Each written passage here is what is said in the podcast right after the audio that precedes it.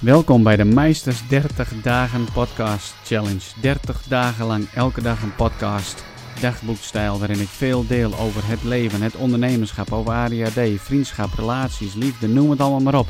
Het komt allemaal voorbij en ik nodig jou uit om met me mee te gaan op reis. Aflevering 57, de twaalfde dag van mijn podcast challenge. Gisteren had ik me volgens mij vergist in uh, de aantallen. Laat maar weer zien dat tellen toch niet een van mijn sterkste punten is. Hey, ik zou het waarderen als je een recensie zou achterlaten in de iTunes Store, dat je het zou delen op je social media. En vergeet vooral ook niet te reageren uh, op Facebook, Droomonderneming. Ik zou graag uh, van je horen. In de aflevering van vandaag gaan we het hebben over uh, Michael Faraday, een hele bijzondere gast in de geschiedenis.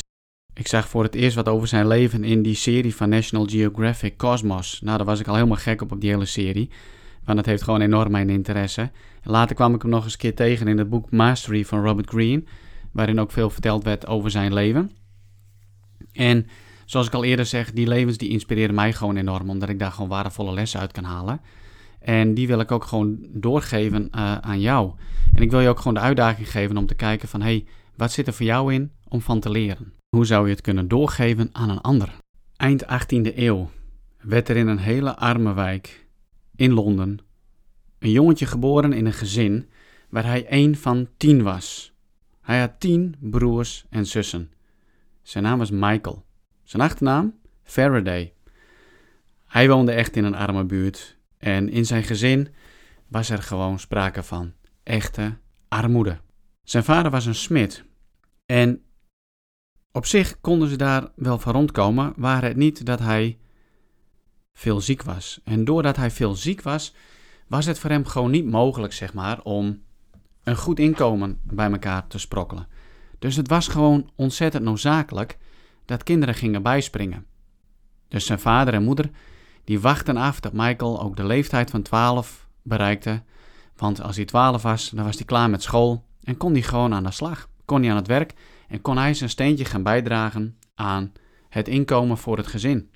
Als je de statistieken erop naast zou leggen en je zou kijken waar het gezin woonde, in welke wijk, en je zou gaan berekenen wat de kansen waren voor de kinderen op een goede toekomst, een leven van gezondheid, van overvloed, dan waren die kansen waren gewoon heel erg klein. Het leven in die tijd in Londen, in de arme wijken, was keihard. Het was bikkelhard. Dus als je dan zou zeggen, wat zouden de mogelijkheden zijn geweest voor deze Michael? In zo'n groot gezin? Nou, heel klein. Geen opleiding. Hoe in hemelsnaam zou hij ooit moeten ontsnappen uit de armoede? Hoe in hemelsnaam zou hij ooit wat van zijn leven moeten maken als je op je twaalfde al eigenlijk gedwongen wordt om te gaan werken en zo mee te gaan bijdragen, zeg maar, aan het gezin? Hoe kon je dan, zeg maar, het leven kiezen die je eigenlijk misschien wel graag wilde? Wat dat betreft was er eindig verrekt weinig keus voor die mensen. Wat is het nu vandaag de dag toch echt een andere wereld voor ons? Want in nog genoeg werelddelen is dit de keiharde werkelijkheid, waarin een kind opgroeit en gewoon geen andere keus heeft dan gewoon op jonge leeftijd om aan het werk te gaan om zo geld te verdienen om eten te kopen. En voor ons als Westen kunnen we dat weer heel erg uitbuiten, zodat wij goedkope kleren kunnen kopen. Dat is een ander verhaal. Michael, hij was anders dan zijn broer en zussen. Hij was niet zo fysiek ingesteld. Het was niet zo'n harde werker als het gaat om, nou weet je, dit is een kind die is geboren voor het vak om smid te worden of loodgieter of timmerman of wat dan ook maar. Hij was gewoon anders. En hij vond het fantastisch buiten zijn werk om en als hij klaar was met de klusjes voor zijn moeder om het gezin te helpen, dan ging deze jonge man lekker over straat zwerven. Hij vond het fantastisch om allerlei dingen te gaan onderzoeken en te kijken naar hoe zat nu eigenlijk alles in, in, hoe zat alles in elkaar en hoe zat de wereld in elkaar en de natuur, de vogels en de planten. Het intrigeerde hem echt fantastisch. Wat dat betreft lijkt het daar een heel klein beetje op um, Charles Darwin. Hè? Daar heb ik de podcast gisteren over gemaakt. Hij ging op onderzoek uit. Maar goed, de verwachting was dat Michael in de voetsporen van zijn vader zou treden. Hij zou in ieder geval in de smederij van zijn vader komen werken. En dan kon hij uiteindelijk kon hij het bedrijf gaan overnemen. Nou, dat is niet iets waar hij op zat te wachten. Tijdens een van zijn rondzwervingen in de stad viel zijn oog op een klein boekwinkeltje. En hij besloot het boekwinkeltje in te gaan. En moet je nagaan, hij komt uit een arm gezin. Dus boeken, dat was een bezit. Die hadden ze helemaal niet. Enige boek waar hij ooit in handen had gehad en die hij ooit had ingezien, was de Bijbel. Het was namelijk een heel christelijk gezin. Het behoorde tot een bepaalde secte van het christendom, wat het net allemaal weer anders bekeek. Voor hun zat God in alles. En was het niet een afstandelijke God die vanuit de hemel zeg maar, de aarde regeerde, maar was het een God die overal in zat. En dus ook in de boekdrukkunst. En dus ook in de Bijbel, voor hem. Hij vond het fantastisch, al die boeken over die verschillende onderwerpen. En hij merkte al gauw dat hij een bepaalde klik kreeg met die boekwinkeleigenaar. en die nodigde hem uit van, hey Michael, kom gewoon nog eens een keer weer langs. Dus ja, dat liet Michael zich geen twee keer zeggen. Dus hij kwam nog een keer. En hij kwam nog een keer en nog een keer. En uiteindelijk bood hij hem een baantje aan. Hij kon dan boeken gaan bezorgen als mensen een bepaalde bestelling hadden gedaan. En hij mocht op een gegeven moment zelfs een stageplek invullen, zodat hij het vak van een boekbinderij kon leren. Kijk, dat was gebruikelijk in die tijd, alleen dan wat meer zeg maar voor de welgestelden. Of je moest een vader hebben die, nou zoals Michael dan, een smederij had. Uh, maar je ging in die tijd ging je het vak leren door een jarenlange stage.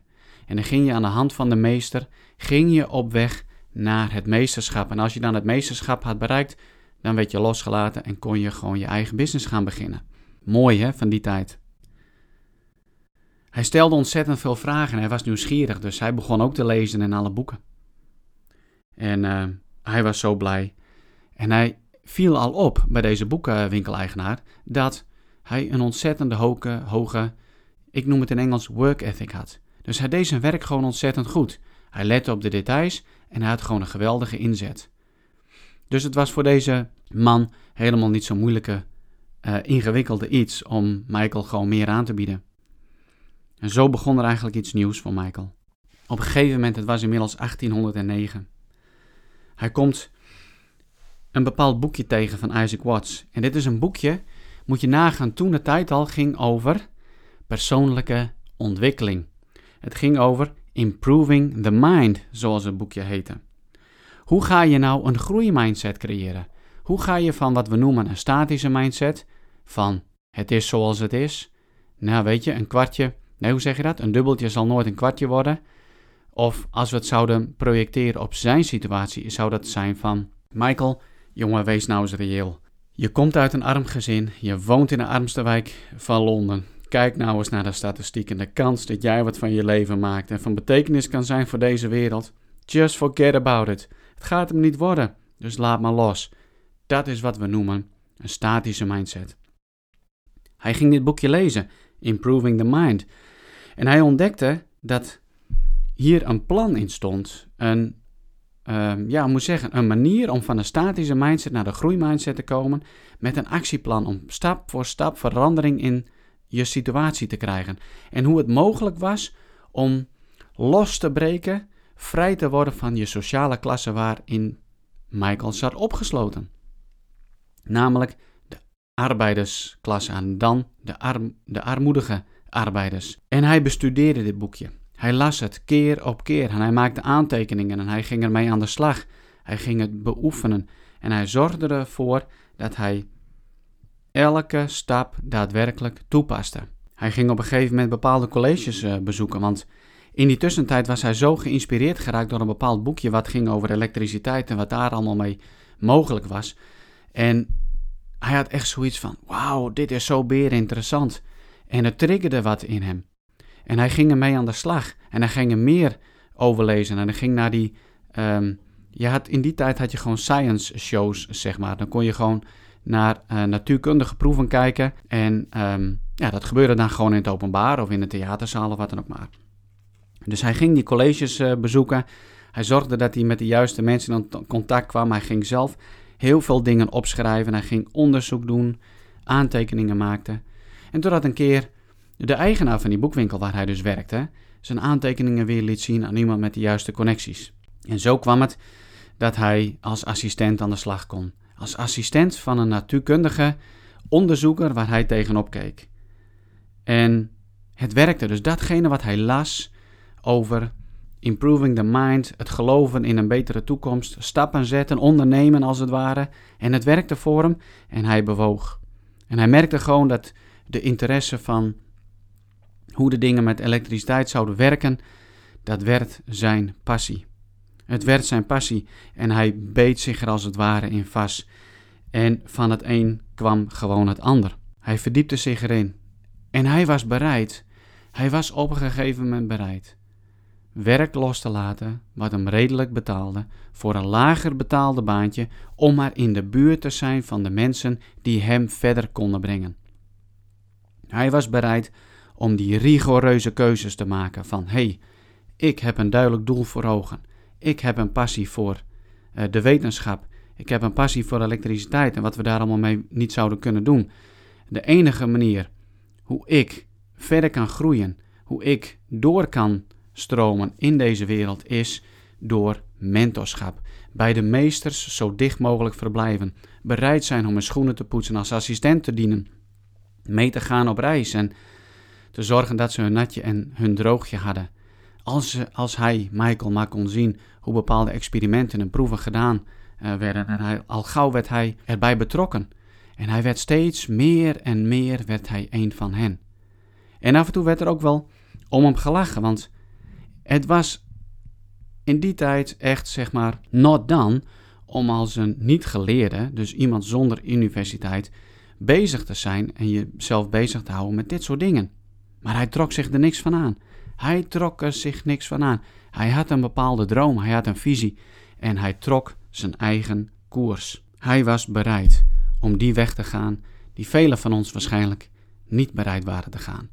Want als we het projecteren, zelfs op deze tijd, met al onze zekerheden en noem het maar op, een baan opgeven voor iets anders en dan ook nog wat minder betaald wordt, nou, je zou voor gek verklaard worden. Je gaat toch niet zekerheid opgeven voor iets wat ook nog minder verdient, of helemaal geen zekerheid biedt, of wat misschien maar tijdelijk is? Ja, hoe we ons daar gigantisch door kunnen laten afremmen. En hoe laat jij je daardoor afremmen, zeg maar? Michael ging verder op zijn tocht. En hij kwam steeds meer en meer met de juiste mensen in aanraking. En omdat hij gewoon bereid was te leren en te ontwikkelen, hij was bereid. En het meest belangrijkste waarin hij bereid was, was om niet te geloven in de leugen van. Komt uit een arm nest, je komt uit een arme wijk, je komt vanuit een bepaalde familie, een sociale klasse, en dat is jouw toekomst. Hij besloot, gelukkig door het boek Isaac Watts, Improving the Mind, werd hij op het juiste spoor geholpen. En kon hij een nieuw geloof gaan ontwikkelen. Een nieuw geloof over de mogelijkheden van hemzelf. En deze Michael Faraday, uiteindelijk behaalde hij de top. Hij werd een gigantische grote uitvinder. Hij is onder andere bekend van uh, Faraday's Cage. Zoek hem maar eens op, google hem maar eens. Welke natuurkundige ontdekkingen allemaal op zijn naam staat en hoeveel hoeveel hij van betekenis geweest, zeg maar, als het gaat om de elektriciteitsmotor. Dus elektriciteitsmotoren, waar we nu zeg maar in onze hybride en elektrische auto's in rondrijden, de voorloper daarvan, daar is hij zeg maar de vader van, de ontdekker. En stel je nou eens voor dat Michael gewoon in de pas was gaan lopen. Gewoon naar zijn vader had geluisterd en in die smederij was gaan, gaan werken. Stel voor dat hij niet zijn nieuwsgierigheid had bevredigd. Stel je nou eens voor als hij niet dat boekje had gelezen, Improving the Mind. Stel je nou voor dat hij niet zo een discipline had ontwikkeld om, om datgene wat hij las ook daadwerkelijk te gaan verwerken. Als we daar een aantal lessen voor, voor nu willen uithalen, voor ons eigen leven, maar ook voor onze eigen ondernemerschap, is dat we van zijn leven kunnen leren, wees gewoon nieuwsgierig. Ga erop uit. Beweeg. Onderzoek. Pak de kansen die voorbij komen. Heb je een bepaalde interesse? Steek daar meer tijd in, want voor je het weet is het je passie. Passie is natuurlijk een heel hot iets in de tijd waarin we leven. En hebben het vaak over, ja, je moet je passie achterna. En ik spreek ook best wel veel mensen, ja, maar William, wat is dan mijn passie? Bij sommige mensen komt die gewoon aanwaaien of zit het er al in, zeg maar, vanaf kinds af aan, dat ze weten wat ze willen en hoe ze van betekenis willen zijn voor deze wereld. En Dat is niet voor iedereen zo. En dan is er gewoon maar één manier om jouw passie te ontdekken. En dat is door te bewegen, dat is door te onderzoeken. Dat is door te kijken wat zijn mijn interesses en daar gewoon heel veel tijd in te gaan steken. Dan zal een interesse, interesse een passie gaan worden. En dan zul je gaan ervaren hoe passie als een, ja, hoe moet ik het zeggen, als een brandstof voor het leven, als een brandstof voor je bedrijf, je onderneming zou kunnen gaan werken. Een ander belangrijk iets is, en ik denk dat het voor, voor velen van ons geldt, zeker voor diegenen die veel boeken lezen. Boeken lezen over persoonlijke ontwikkeling, over je bedrijfsontwikkeling, als het misschien wel PR, marketing, uh, noem het maar op. Of diegenen die naar conferenties gaan, die naar lezingen gaan, die naar workshops gaan en noem het maar op. Wat doe je met de opgedane kennis? Wat doe je met de boeken? Ik wil je uitdagen als je eens gaat kijken in jouw boekenkast en misschien wel dvd-kast. Als het gaat om materiaal wat je hebt, wat gaat over persoonlijke ontwikkeling, het opbouwen van je bedrijf, uh, marketing, noem het maar op. Ik denk als je alle informatie bij elkaar zou leggen en je zou echt gaan implementeren wat daar staat, dan zou je echt een mega, mega, mega sprong gaan maken. Zou je dan al niet jouw droomonderneming, je droombedrijf en je droomleven kunnen hebben? Maar daar zit vaak het probleem. We hebben dan wel heel veel kennis opgedaan en we kopen de boeken en we bezoeken zeg maar de conferenties en lezingen en noem het maar op. Maar dan, dan komt het hele lastige, het moeilijke, het implementeren. Het implementeren. Stop misschien een keer met kopen. Stop een keer met naar conferenties gaan of wat dan ook maar. Pak nog eens een keer je oude boeken erbij. Ga ze verwerken. Ga ze. Maak aantekeningen. En ga ze stap voor stap implementeren. Wat je ziet in het leven van Michael is. Is hoe synchroniciteit zeg maar plaatsvindt. Door te blijven bewegen. Door hard te werken. Door geloof te hebben. Door een groeimindset te hebben. Gebeuren er dingen die je ook wel geluk zouden kunnen noemen. Die hem verder helpen synchroniciteit. Er komen mensen, er komen zaken op je pad die je niet van tevoren had kunnen bedenken. Maar dat komt niet als we alleen maar op onze stoel blijven zitten of op de bank en maar gaan hopen en hopen op betere tijden. Beweeg. Laat ook het leven van een Michael Faraday jou tot inspiratie zijn. Ga van een statische mindset naar van bijvoorbeeld ik zit aan mijn plafond. Of hij heeft zijn plafond bereikt. Dat is ook zo'n uitdrukking. Hè? Als het gaat over bedrijfsleven, als het gaat om werknemers. Nee, ik zit aan mijn plafond of hij zit aan zijn plafond. Bullshit. Er is helemaal geen plafond. Die plafond bepaal je gewoon zelf. Een mens is in staat om zichzelf verder door te ontwikkelen. Blijf gewoon bewegen. Blijf geloven in jouw eigen kunnen. Blijf geloven in de groei. hey, dit was hem voor vandaag. Ik wil jou bedanken voor het luisteren. Tot morgen.